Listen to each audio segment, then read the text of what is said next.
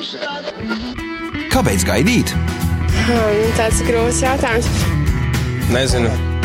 Laikam nav svarīgi. Es nezinu. Nu. Nu, ja jau tā ir mana vienīgā. Raidījums Kāpēc gaidīt? Esiet sveicināti, mīļie radio klausītāji, ar jums redzējums, kāpēc gaidīt, un studijā esmu es, Dainis. Vēlētos šodien runāt par tēmu piedošana. Attiecībās ir daudzas tādas situācijas, kad mēs nu, varam nonākt konflikta situācijā, varam pārprast otru cilvēku, varam būt pat ļoti sāpināti, jo mēs visi esam nepilnīgi cilvēki. Un reizēm varam apzināti sāpināt, varam neapzināti sāpināt. Un, bet katrs sāpinājums atstāja ietekmi uz mums, un tāpēc ļoti svarīgi ir saprast, ko darīt ar šiem sāpinājumiem, ko darīt ar tiem brīžiem, kad es varbūt nejūtu no otra cilvēka to mīlestību, to pieņemšanu, to atvērtību, kad varbūt es no otra cilvēka piedzīvoju jā, lietas, kas man patiesībā jā, grauj, kas man liek justies atstumtam, nepieņemtam, varētu teikt tā, atņem spēku dzīvot priecīgi.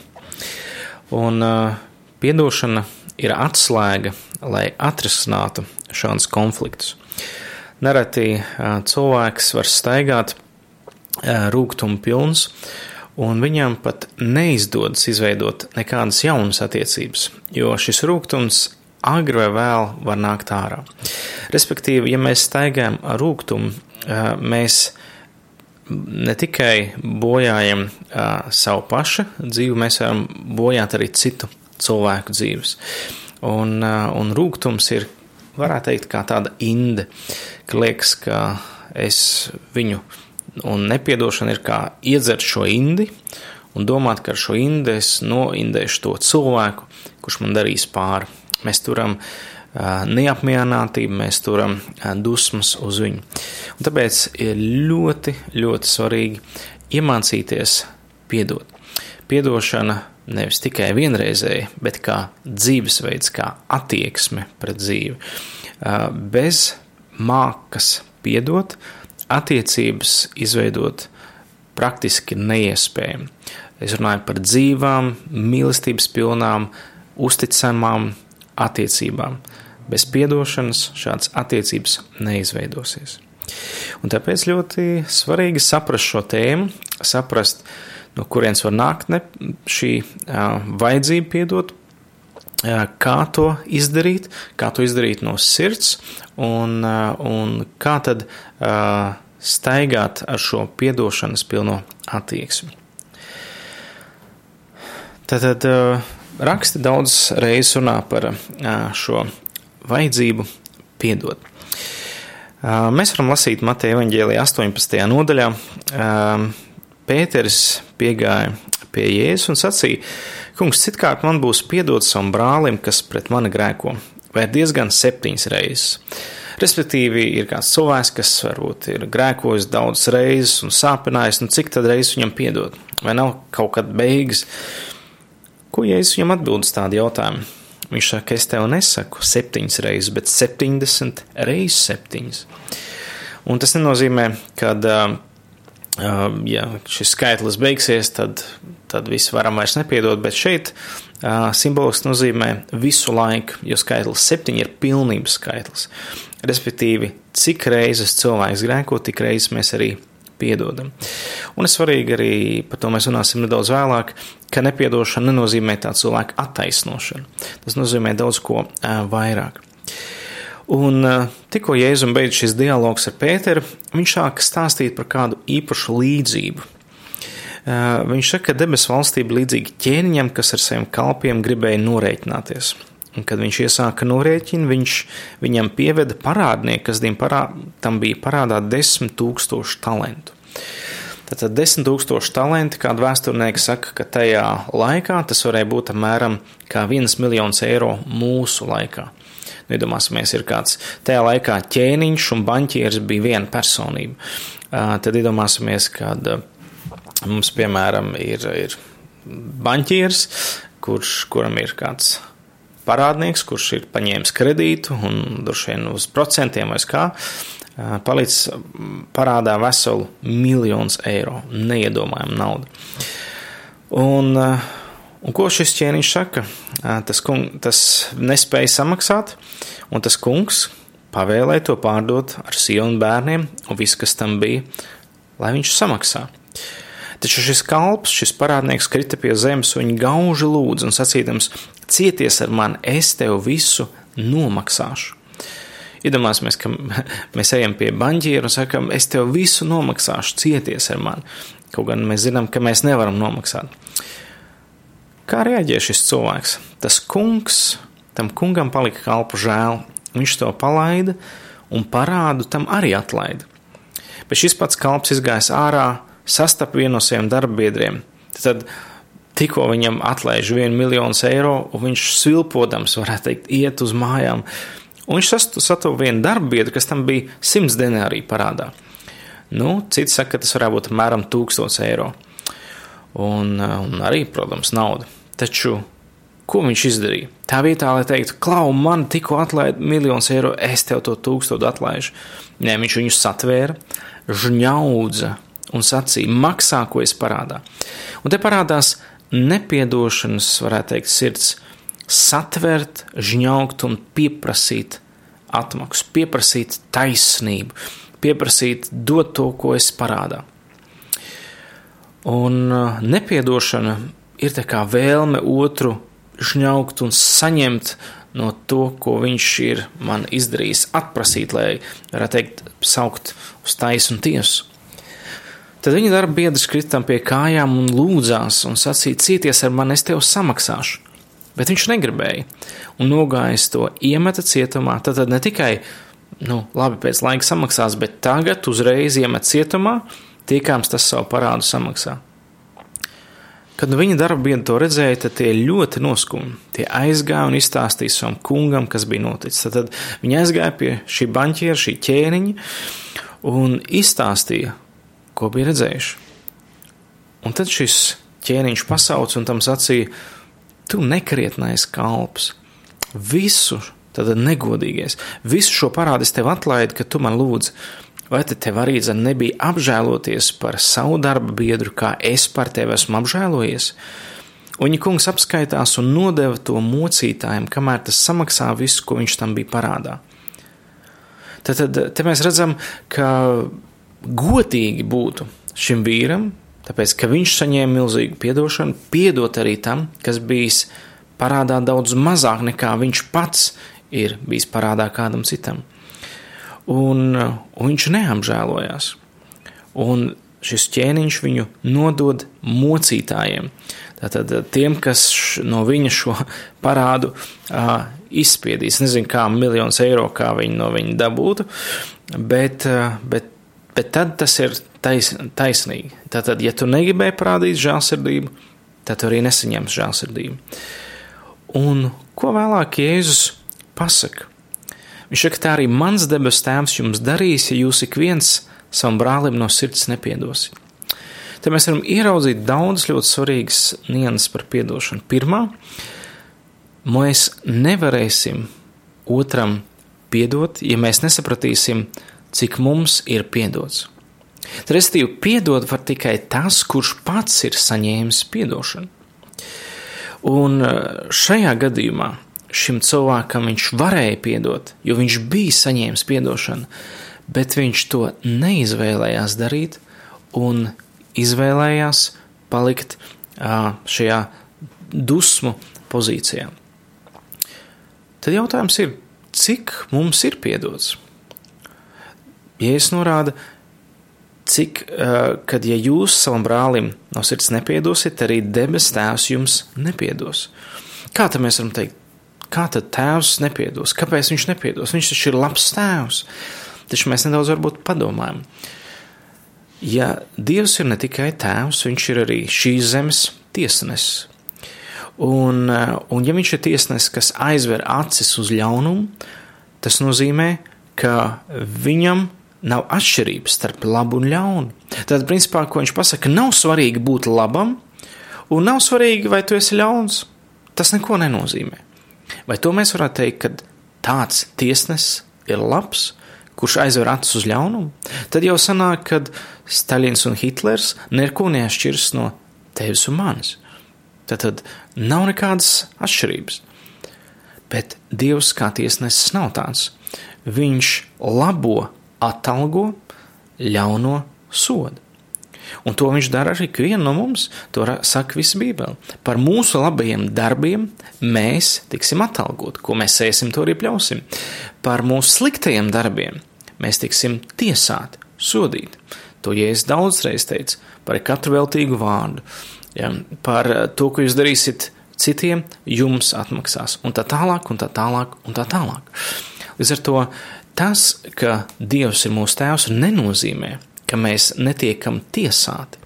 Mēs tiekam tiesāti jau šeit, virs zemes. Um, un taču Kristus pasaka kādu vārdu, bet ja, bet ja jūs apzināties, ka šis Dievs jums piedod visu, tāpat kā šis ķēniņš piedod šim kalpam, tad jūs apzināties, ka Dievs patiesībā negrib jūs tiesāt, Viņš grib jūs atbrīvot no šī parāda. Viņš grib jūs svētīt. Tad, tad kas tad ir tas, ko Dievs mums ir piedevis? Viņš ir piedevis mums mūsu vēlmi dzīvot bez Dieva. Ko tas nozīmē? Tas nozīmē, ka mūsu vēlmi varētu teikt nonāvēt Dievu. Jo labākais veids, kā tikt no kāda vaļā, ir viņu neutralizēt, viņu iznīcināt. Un tieši to mēs kā cilvēki esam izdarījuši ar Dievu, Jēzu Kristu, piesistām viņu pie krusta. Varētu teikt, mūsu grēks ir tik ļauns, ka viņš nonāvēja Jēzu Kristu, ka dēļ mana grēka un tava grēka Dievs, Dieva dēls, mirst pie krusta. Varētu teikt, mēs esam līdzvainīgi Kristus nāvē. Mēs esam kā cilvēci līdzvainīgi Kristus nāvē. Un te, tad, kad mēs sakām, es Dievu nevēlos, es principā Dievu situ krustā. Bet Dievs augšām cēlās trešajā dienā, lai ik viens, kas tomēr saka, nē, kungs, es gribu tev sekot, es gribu tev klausīt, man vajag Dievu kā manu Dievu. Bībeli saka, ja jūs ticat un mut apliecināt Jēzus Kristu par savu kungu, jums top piedots. Un tad mēs saprotam, ka mums Dievs piedod mūsu, varētu teikt, slepkavību, slepkavības mēģinājumu, mūsu, varētu teikt, vēlmi tikt vaļā no Dieva. Un tāpēc mēs arī esam aicināti piedot citiem. Tātad Dievs mūsu grēkus piedod, tāpēc arī mēs esam aicināti piedot citiem. Un tas nav tagad, šajā gadījumā, ja saprotu, ka Dievs man piedevis starp mani un šo cilvēku. Bet patiesībā tā ir prasība no Dieva. Piedošana nav brīva izvēle, tas nav um, tā kā alternatīva, tā ir pavēle. Piedodiet cits citam. Ja jūs nepiedosiet, arī Dievs jums nepiedos. Tad, tas nozīmē, ka mēs paliekam netaisnībā, ja mēs nepiedodam. Ja Dievs piedod man, un Viņš piedod vairāk nekā jebkurš cits man varējis nodarīt, tad es varu atkal piedot citiem. Ja es izvēlos nepiedot, es palieku netaisnībā, es palieku grēkā, es palieku saistīts ar šo grēku, un ar to es nevaru, nevaru satvert piedošanu. Es, man pašam var likties, mūsu cilvēki, kas ir nepiedošanā, viņi var dzīvot ar, tādu pat iekšēju sajūtu vai tukšumu, kad viņiem nav pārliecības, ka Dievs viņiem ir piedevis. Un problēma varbūt nevis tas, ka viņi nav nožēluši grēkus, bet tāpēc, ka viņi nav piedevuši kādam viņa grēkus pret sevi. Un 32. psalms saka, ka svētīgs tas, kam grēki piedod. Un interesanti, ka šajā psalmā ir nedaudz tā sajust, kā jūtās cilvēks, kurš dzīvo rūkumā, nepiedošanā. Kamēr es klusēju, mani kauli panīka, un man bija jāvaid cauri dienu. Trešais pants. Jo tava roka smagi gulās uz mani dienām un naktīm, mans spēks izkalt kā zeme vasaras bulā. Mēs varētu teikt, ka nepiedošana ir, ir kā tāda liela nasta, liels smagums, kas izskaltē, kas uh, nospiež, teiks, ka kauli panīk. Ja. Varbūt, varbūt pat ir kādas psihosomātiskās slimības, kas izraisās tieši no nepiedošanas, un patiesībā arvien vairāk medicīna to apstiprina. Uh, un līdz ar to šī atdošana ir tik ļoti uh, svarīga mūsu veselībai. Um, portālā CBN, CBN.com um, rakstīts, ka nepiedošana medicīniskajā literatūrā tiek skatīta kā slimība. Un saskaņā ar doktoru Stīvena Staninforda, kurš ir Amerikas Vēža ārstniecības centra ķirurģijas nodaļas vadītājs, uh, viņa teik, saskaņā ar viņa teikto, atteikšanās piedot, viņš saka, ir iemesls, kādēļ cilvēks saslimst un turpina slimot. Un tādēļ piedošanas terapija tiek izmantota dažādu slimību ārstēšanā, piemēram, arī vēža ārstēšanā. Ir svarīgi dziedāt emocionālās brūces un traucējumus, jo tie ļoti ietekmē viņa ārstēšanās norisi, skaidro ārsts. Līdz ar to mēs ieraugam vajadzību pēc emocionālās dziedināšanas. Un kristīgā pasaulē šis ir samērā jauns termins, jo mēs vairāk runājam par fizisko dziedināšanu. Bet mēs neaptveram, ka tik ļoti daudz fiziskās kaitas ir saistīts ar mūsu emocionālo dziedināšanu, vai emocionālo neveselību, vai ievainojamību un tā tālāk. Un mēs taču zinām, cik daudz reizes Dievs svētais gars pieskarās tieši mūsu iekšējam cilvēkam, kur mēs sajūtam iekšēju mieru vai prieku. Un kas tas ir? Tās ir emocijas. Protams, tās ir garīgas emocijas, varbūt arī dvēseliskas.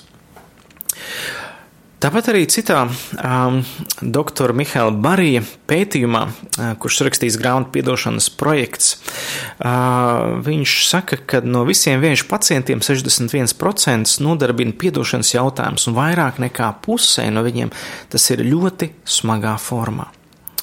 Viņš saka, ir paredzams, ka hroniska trauksme rada lielu adrenalīna un kortizola līmeni organismā, bet tas noārda to šūnu šūnu ražošana, kas ir organismā karavīri un cīnās pret vēzi, viņš skaidro. Un Barijs arī saka, ka pirmais solis piedošanai ir saprast, cik daudz mums piedod Dievs.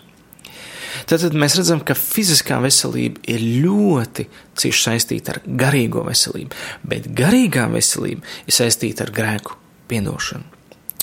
Ja teiks, ja cilvēks piedod no sirds, kas ir zelta standarts Bībelē, Mateja nodaļā, tad spēja piedodot miera sajūtu. Un šis ārsts saka, ļoti bieži pacienti piedodot piemin tieši viegluma sajūtu, kas rodas, kad viņi ir piedevuši. Un Barīs teica, ka daudz cilvēku neapzinās, cik daudz mums nodara dusmas un naids, līdz tās mēs atlaižam. Un bieži vien mēs nemākam atlaist dusmas un naidu. Mēs nemākam izdusmoties. Un nereti šajā piedošanas procesā tik ļoti svarīgi ir atzīt ne tikai savus sāpes, bet reizēm ir ļoti svarīgi atzīt arī savus dusmas. Jo bieži vien mēs esam iemācīti ar it kā labu mērķu, labā nedusmoties un dusmas nosaukt par grēku, kamēr tā ir emocija. Emocija ir reakcija uz kaut ko. Dusmas ir reakcija uz netaisnību, ka notiek kaut kas, teiksim tā, um, netaisnīgs. Uh, mēs to varam saukt par, um, ir tāds termins kā svētas dusmas, jeb dusmas, pa kurām dusmojas arī Dievs. Vai Dievs ir dusmīgs Dievs? Jā, viennozīmīgi dusmīgs Dievs. Kāpēc? Tāpēc, ka ļaunums pasaulē, ļaunums izraisa dieva pretreakciju, tāpēc ka viņa daba nav ļauna, un viņš reaģē pret to, kas nav no viņa cēlies un veidojies. Līdz ar to viennozīmīgi Dievs ir dusmīgs par jebkuru ļaunumu, ko mēs radām. Un tāpēc, lai šīs dusmas nenāktu pār mums, viņas nākušas pār Dieva dēlu Jēzu Kristu. Ja, restīvi, Dievs pats Jēzu Kristu šīs dusmas uzņem, un krustā šīs dusmas tiek piepildīts nāves sodā. Bet Dievs tik ļoti mūs mīl, ka Viņš labāk vēlē šīs dusmas uzlikt kristum, un Kristu labprāt pieņem, nekā uzlikt uz mums. Taču, ja mēs nu, noraidam šo viņa upuru, viņa piedāvājumu, šīs dusmas mūs mēs sastapšamies ar šīm dusmām, varētu teikt, neatšķaidītām tiesas dienā. Un pirms šī tiesas diena nāk, mums ir jāizlīdzinās ar Dievu caur Jēzu Kristu, jāpieņem viņa šī žēlstības dāvana. Līdz ar to, jā, mēs varētu teikt, man ir tiesības dusmoties. Jā, mums ir tiesības dusmoties, ja notiek ļaunums, ja tiek grēkots. Un tieši tāpēc ir tik kādreiz tik ļoti sarežģīti, kā, kāpēc lai es tagad piedotu. Un mēs iedomājamies, ka ja tagad es piedošu, pateikšu, ka tas, ko viņš darīja, ir pareizi. Nē, tā nav piedošana. Piedošana ir atzīt to, ka tas, ko viņš darīja, bija ļaunums, un tas bija sāpīgi, un tas mani sadusmo. Bet tāpēc, ka Dievs man piedod, es izvēlos tevi netiesāt, neatriepties, bet šo visu situāciju atdod Dieva rokās, jeb Dieva tiesai. Respektīvi, es izvēlos pats neatriepties, bet es izvēlos nu atdot šo cilvēku un visu, ko viņš darīja, jo tikai Dievs zina taisnīgi viņa sirdi, viņa sirds motivāciju, kāpēc viņš to darīja, un viņš būs tiesīgs iztiesāt, un viņš zinās, kādu mēru piešķirt šim darbam, šī darbībai. Bet mana atbildība ir atdot to Dievu rokās, un to es saucu par piedošanu. Atlaist cilvēku savā piedošanas brīvībā, mēs to varētu teikt, kad es atdodu šo cilvēku Dievu rokās. Es viņu izlaižu no sava nepiedošanas cietuma, kas atrodas manā sirdī, un es viņam saku, ej, lai Dievs tiek ar tevi galā. Bet man nedrīkstētu palaist viņu ar dusmām, bet man vajadzētu viņu palaist ar svētību.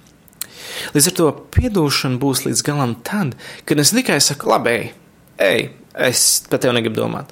Nē, tā nav piedošana līdz galam. Piedošana līdz galam visaugstākajā mērā būs pabeigta tad, kad es teikšu, es tevi svētīju, es tev dodu labvēlību, lai tev nenotiek nekas no tā, ko tu esi darījis pret mani. Un tāpēc būtu ļoti svarīgi saprast trīs, trīs terminus. Viens ir taisnība, otrs ir žēlsirdība, un trešais ir žēlastība. Tad kas tad ir taisnīga? Kas ir taisnīgums? Taisnīgums nozīmē darīt otram pēc nopelniem. Tas nozīmē, ja cilvēks man paņem, piemēram, nozaug 5 eiro, taisnīgi būtu, ka viņš man šos 5 eiro atdod. Um, protams, citi vēl pasaka, vēl sāpju naudu, vēl pa virsmu, bet, bet principā taisnīgi būtu, kā vecā darības princips aci pret aci, zobu pret zobu. Tas būtu taisnīgi. Tātad, un, un mēs cilvēki esam netaisnīgi. Diemžēl. Ir teiks, ka mūsu taisnība ir kā uh, sārņainas drēbes, viņi ir sakropļota. Kur tas parādās? Tātad, ja taisnība saka zobu pret zobu, tas nozīmē, ja cilvēks man izsit, ja otram izsit labo priekšējo zobu, piemēram, tad taisnīgi būtu pretī izsist priekšējo labo zobu pārdarītājiem. Bet kā mēs reaģējam? Mēs reaģējam, man izsit zobu, tad es viņam visu zobus iztīšu. Ha, tā vairs nav taisnība. Tā jau ir netaisnība. Un mēs bieži gribam atriept daudz vairāk nekā mums ir izdarīts. Tātad taisnīgums ir darīt otram pēc nopelniem. Uh, šajā gadījumā Dievs mūs aicina ne uz taisnību, viņš aicina uz kaut ko pārāku.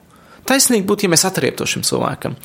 Dievs aicina piedod, un tas nebūs taisnīgi, tas būs kaut kas pārāks. Vai tā ir žēlsirdība? Žēlsirdība ir nedarīt otram pēc nopelniem. Respektīvi, um, cilvēks man ir atņēmis 5 eiro, un žēlsirdība nozīmē, es uh, viņam neatprasīšu šos 5 eiro, lai viņš iet. Tā būtu žēlsirdība. Bet Dievs aicina uz vēl lielāku mūsu uh, jaunās derības cilvēkiem rīcību. Proti, tā ir žēlastība. Kas ir vārds žēlastība? Mums liekas, ka tas saistīts ar kaut kādu žēlumu. Nu, man palika žēl, un tad, tad es neizdarīju to, ko es viņam biju domājis. Nē, tā ir žēlsirdība, tā ir iežēlošanās. Man sirdī palika žēl. Bet žēlastība mums šis vārds latviešu valodā varbūt netulkojas tā kā, piemēram, ukraiņu valodā. Ukraiņu valodā tas ir blaga daķi. Blag, tas ir labi, kaut kas labs, daķi, tas ir devums, dāvana. Un ar to precīzāk gandrīz būtu teikt, tā ir labdarība. Tad, tad tā ir saistīts ar dāvanu, ar kaut kādas labas dāvanas došanu otram. Tad, respektīvi, piedošana patiesībā ir dāvana otram cilvēkam.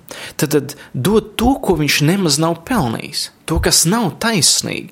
Tas ir tas, ko Dievs ir darījis ar mums. Mēs neesam pelnījuši viņa piedošanu, bet viņš izvēlas mums dāvāt Jēzu Kristu kā piedošanas dāvana, kā žēlastības dāvana, ko mēs neesam pelnījuši. Varētu teikt, Dievs pret mums ir nodarbojies ar labdarību. Viņš mums dāvina kaut ko labu, un tā ir piedošana. Un tieši tāpēc mēs arī esam aicināti, tie, kas ir saņēmuši šādu piedošanu no Dieva, piedot otram cilvēkam, neatkarīgi, ko viņš pret mums ir darījis. Vai nu viņš mūs ir atstājis, no, nodevis, vai viņš mūs ir sitis, vai pat gribējis nogalināt. Mēs viņam piedodam un viņu vēl svētījam. Jēzus saka, piedodiet tos, kas jūs ienīst, piedodiet saviem ienaidniekiem, svētiet savus ienaidniekus. Un uz to mēs esam aicināti. Līdz ar to piedošana ir saistīta ar nevis ar taisnību. Tā nav taisnīga rīcība, tā ir daudz pārāk, tā ir žēlastības pilna. Un Bībele saka, žēlastība nebēdā par tiesu. Un tāpēc ir tik ļoti svarīgi, lai mēs varētu piedot, saprast, cik ir piedots mums pašiem.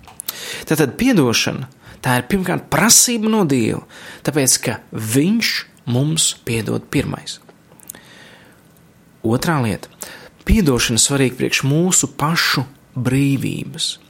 Patiesībā nepiedošana mūs saindē, tā mūs sabojā.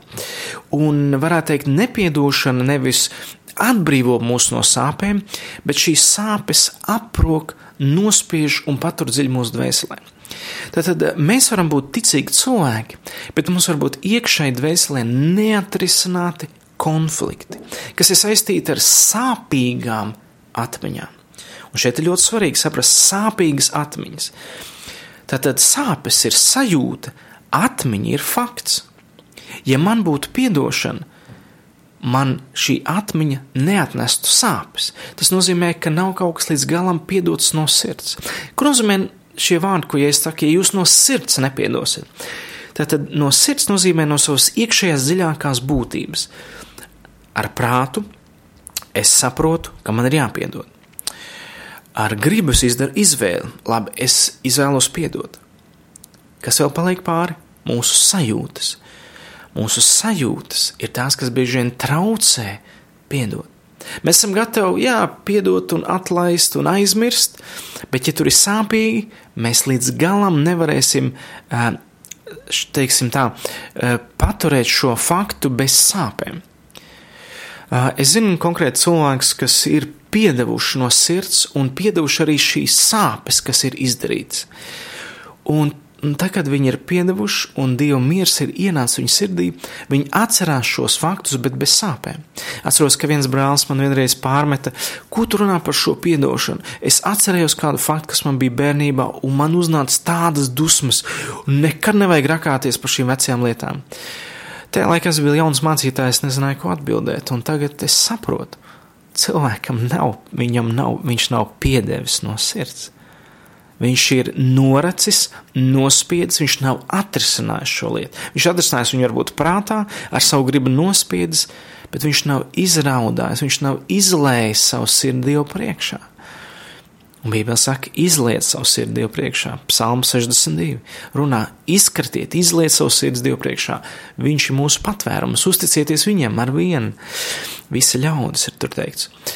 Līdz ar to izliet savu sirdi Dievu priekšā, tas ir sākums piedošanai no sirds. Tāpēc ir ļoti svarīgi atzīt šīs sāpes un piedot par šo sāpinājumu. Līdz ar to uh, Piedošana ļoti svarīga priekš mūsu pašu brīvības, un, kā jau minēju, arī priekš mūsu pašu iekšējās dziedināšanas, priekš iekšējā cilvēka labsajūtas, lai mūsu sirds, kas tika sadauzīta tajā brīdī, varētu apdziedināt. Un, ja godīgi, tad atmaksāt jau nav iespējams. Jā, varbūt ir lietas, kuras mēs varam pieprasīt godīgu atmaksu. Bet pat ja mēs nevaram pieprasīt godīgu atmaksu, mums ir jāpiedod.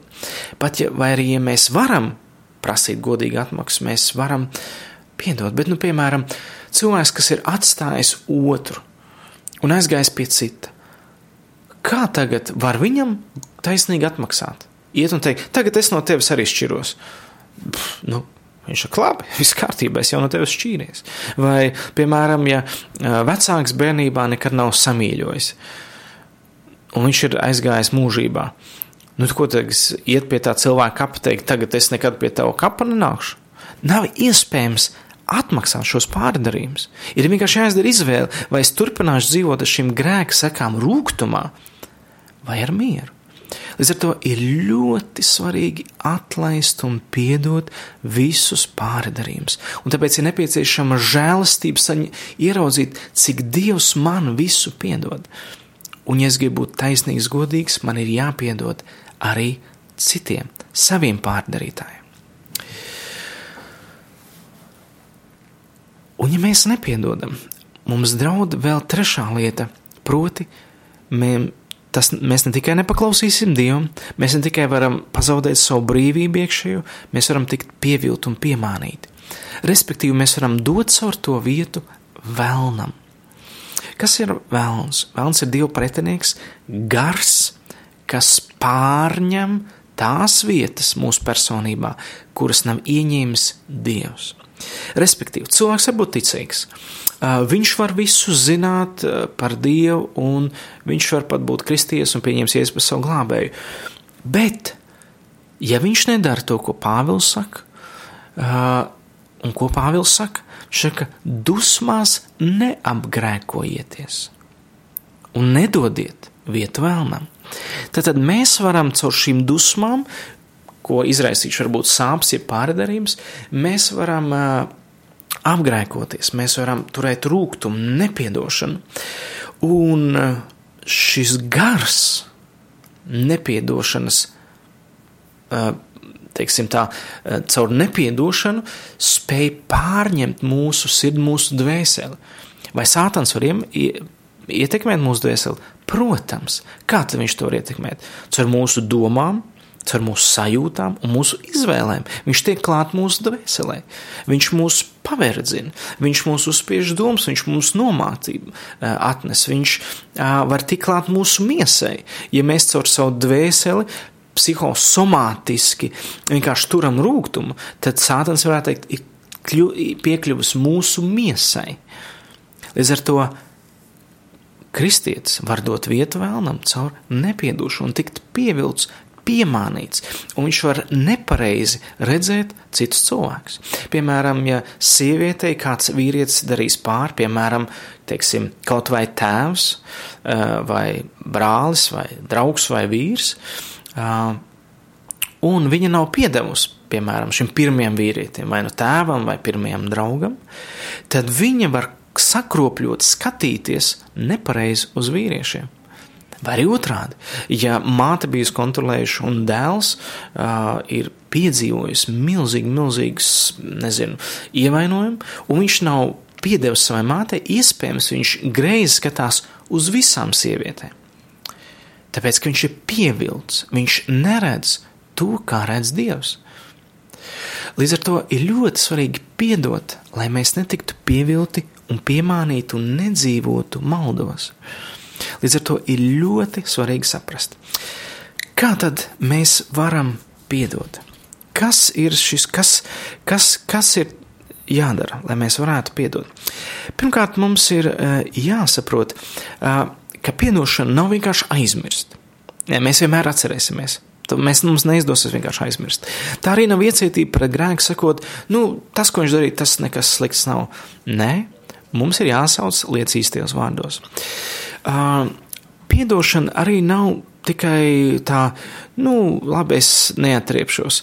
Patiesībā mums ir jāstopās ar apziņu, ka tas, kas mums bija darīts pret mums, ir ļoti, ļoti, nu, ļauns, ir, ir, ir, ir nozīmīgs. Un, un tāpēc ir svarīgi saprast, ka es nevis atriepšos, bet es atdošu visu atriepšanu, varētu teikt, tiesāšanu Dieva rokās, jo viņš Tā ir viņa loma, nevis mūsējā. Tāpēc Bībele saka, netiesājiet, lai jūs paši netap tiesāti. Un kas tad būtu jāpiedod? Tas var būt konkrēts grēks pret tevi. Kaut kur kā cilvēks ir grēkojis pret tevi. Bībele arī saka, piedodiet cit, citam savus parādus, piedodiet saviem parādniekiem. Tad, tad grēks var būt arī kaut kas, ko tam cilvēkam vajadzēja darīt, un viņš neizdarīja. Respektīvi, um, nu, kā, piemēram, kā, kā var augu iznīcināt? Augu var iznīcināt divos veidos. Viens ir uzkāpjot, jeb grēkojot apzināti pret viņu, bet otrs ir nedarot to, kas šim augam vajadzīgs, jeb restīvi viņu nelaistot, un viņš arī iznīks. Respektīvi, ja vecākiem ir no dieva dota pavēle mīlēt savus bērnus, rūpēties par viņiem, mācīt viņus, un tas netiek darīts, vecāki neizdara savu daļu, un varētu teikt, viņi kļūst par bērnu parādniekiem. Un bērniem ir jāpiedod šie tēva vai mātes parādi pret sevi, respektīvi to, ko viņam vajadzēja dot, viņi nedēva. Un tā rezultātā es piedzīvoju seks savā dzīvē. Nepārliecinātība par sevi, noslēdz uz kādiem viltus mierinājumiem, konkrētiem grēkiem un tā tālāk, un tā tālāk, un tā tālāk. Un līdz ar to ir ļoti svarīgi saprast, ka piedot varbūt ir vajadzīgs par lietu, kur otram vajadzēja darīt, viņš neizdarīja. Trešais varbūt ir vajadzīgs, un tas ir svarīgi, piedot, kā otrs lika justies, kā viņa rīcība mani sāpināja, un nosaukt šīs jūtas vārdā. Un ceturtkārt, piedošana var nozīmēt piedot par tām sekām, kas radās manā dzīvē. To, kas ir ienācis manā dzīvē dēļ otra cilvēka rīcības. Un tad, tad tas nozīmē piedot kādam citam, bet iespējams daudziem no mums ir vajadzīgs piedot pašiem sev. Respektīvi, mēs esam darījuši varbūt lietas, kur mēs esam grēkojuši paši pret sevi, pret savu miesu, pret uh, savu reputāciju, pret savu cīņu. Mēs esam kaut kur izgāzušies, un mēs esam ieņemši rūkumu pret sevi un sev visu laiku joprojām sodam, mēs esam sevi ielikuši cietumā, nepiedošanas cietumā. Bībele saka, netiesājiet sevi un mums ir svarīgi piedot. Eh, man savā laikā Dievs konkrēti uzrunāja un atgādināja lietas, par kurām es esmu uz sevi rūkuma pilns un es uz, šīs lietas nesu Dievu priekšā un nosaucu šīs lietas vārdā, sakot, es piedodu sev par to, es atlaižu sev piedošanas brīvībā. Un, ziniet, tur notika iekšēji brīnišķīga dziedināšana, ka man bija sajūta, ka es esmu pieņēmis beidzot pats sevi, kāds es esmu. Jo es biju sevi atstūmis. Un tā notiek, ja mēs, mēs varam sevi nepieņemt, kāda mēs esam, un ar to mūsos ir karš, jeb cīņa mūsu pašu locekļos, mūsu pašu dvēselē. Mēs varam, mums varētu teikt, ir sava veida personības dalīšanās, un varbūt tur ir iesākums tādai problēmai kā šizofrēnija, ko sauc par personības dalīšanos. Taču reizēm mums var būt arī rūkums uz Dievu, ka Viņš pieļāva kādu situāciju, ka Viņš neatbildēja, kad mēs lūdzām, Un, protams, mums nevajag piedot Dievam, jo Dievs nekad nav vainīgs, bet mums vajag atzīt Dievs, es atzīstu, ka man ir rūkums uz tevi. Un līdz ar to varbūt, ka tev ir vajadzīgs izgatavot, uztaisīt tādu piedošanas sarakstu un nākt Dievu priekšā un izvēlēties piedot. Un, un tas varētu būt apmēram tā, es izvēlos piedot un nosaukt šī cilvēka vārdu, vai, kā, ja tu nezini viņu vārdu, vienkārši personību aprakst par to un nosauc to lietu, par ko tev jāpie, par ko tev ir jāpiedod, par ko tu viņam piedod. Un, un, un nosauc, un es piedodu viņam par to, ka viņš man arī lika justies un nosauc katru sāpju vai sajūtu vai ievainojumu, ko Dievs tev atgādina. Tad piedošana jābūt tik konkrētai un pateiktai ar vārdiem. Nepiedod tikai domās, pasakot ar vārdiem. Es izvēlos piedot, piemēram, Jurim par to, ka viņš man pameta un par to, ka viņš man lika justies atmestai, netīrai un izmantotai. Tāds piemērs. Un, uh, un par katru lietu, ko tu saprati, ka tu esi sāpināts, piedod. Vai tas ir tēvs vai māte, vai draugs vai draudzene, vai vīrs vai sieva vai bērns, vai kāda autoritāte, vienalga. Bet jo vairāk tu piedos un izstāstīs savus sajūtas Dievam, jo dzīvāks un brīvāks tu būsi savā piedošanā. Dievs tev visu piedod. Pilnīgi visu Kristu Jēzu. Tu esi aicināts pilnīgi visu piedot otram cilvēkam. Un tad ienāks Dieva miers, un tu jutīsi mieru un mīlestību ienākam tavā sirdī. Un tavas atja attiecības atjaunosies, un tu būsi svētīts, un tu varēsi svētīt citus. Šis bija redzējums, kāpēc gaidīt. Paldies, paldies, ka klausījāties, lai Dievs ar jums alabakar! Šis bija raidījums Kāpēc gaidīt? Klausies to katru otrdienu, pulksten 18,5 minūtēs Latvijas kristīgā radio ēterā vai arī jebkurā tevērtā laikā internetā www.īsta mīlestība gaida LV.